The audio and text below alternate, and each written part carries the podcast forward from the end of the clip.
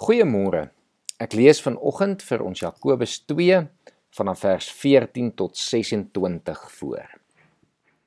Wat help dit my broers as iemand beweer dat hy glo, maar sy dade bevestig dit nie? Kan so 'n geloof 'n mens red?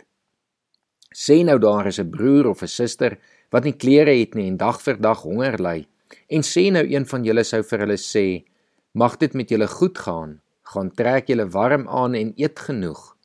Maar julle gee nie vir hulle wat hulle nodig het om van te lewe nie. Wat help dit dan? So gaan dit ook met die geloof. As dit nie tot dade oorgaan nie, is dit sonder meer dood. Maar iemand kan miskien sê die een het die geloof en die ander het die dade. Goed, wys dan vir my jou geloof wat sonder dade is en ek sal jou my geloof wys uit my dade. Glo jy dat daar net een God is? Dit is reg.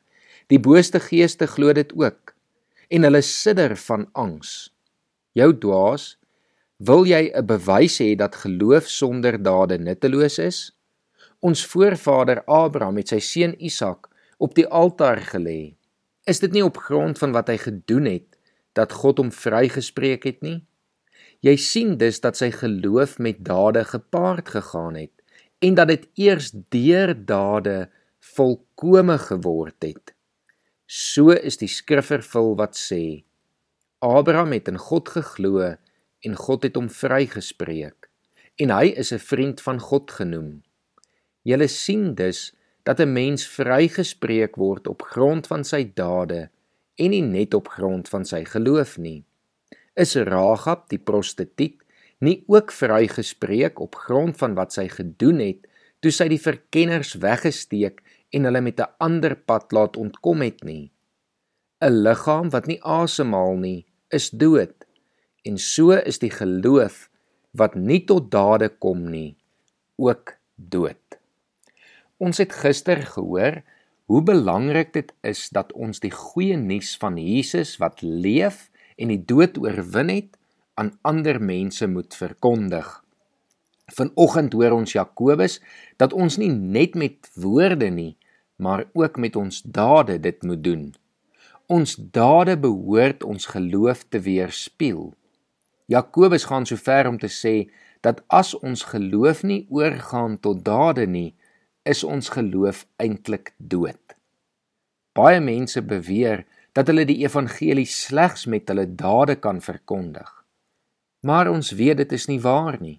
Mens kan byvoorbeeld glad nie uit my manier van lewe sien dat Jesus Christus aan die kruis gesterf het en die dood oorwin het en opgevaar het na die hemel toe nie.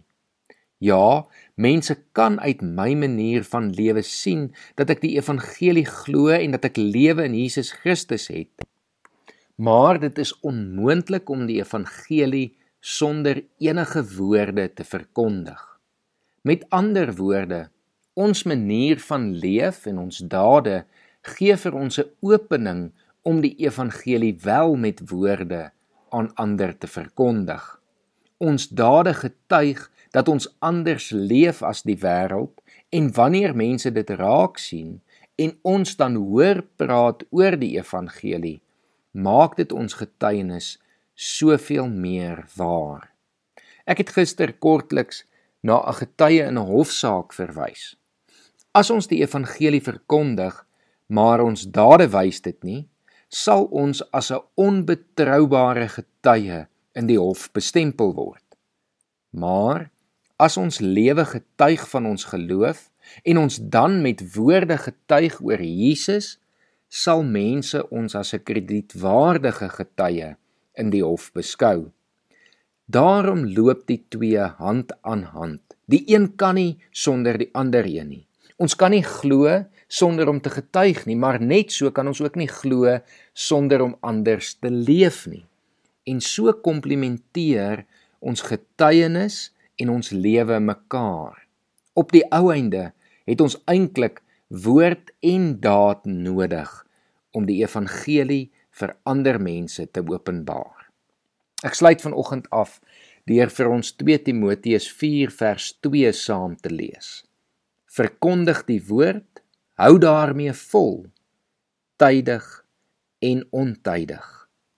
Gaan vandag weer eens en gaan met woord en daad en verkondig die woord of dit tydig of ontydig mag wees. Kom ons bid saam. Here help ons om vandag met woord en met daad van ons geloof in U te getuig en mag wanneer mense ons sien en ons hoor U deur ons leer ken. Amen.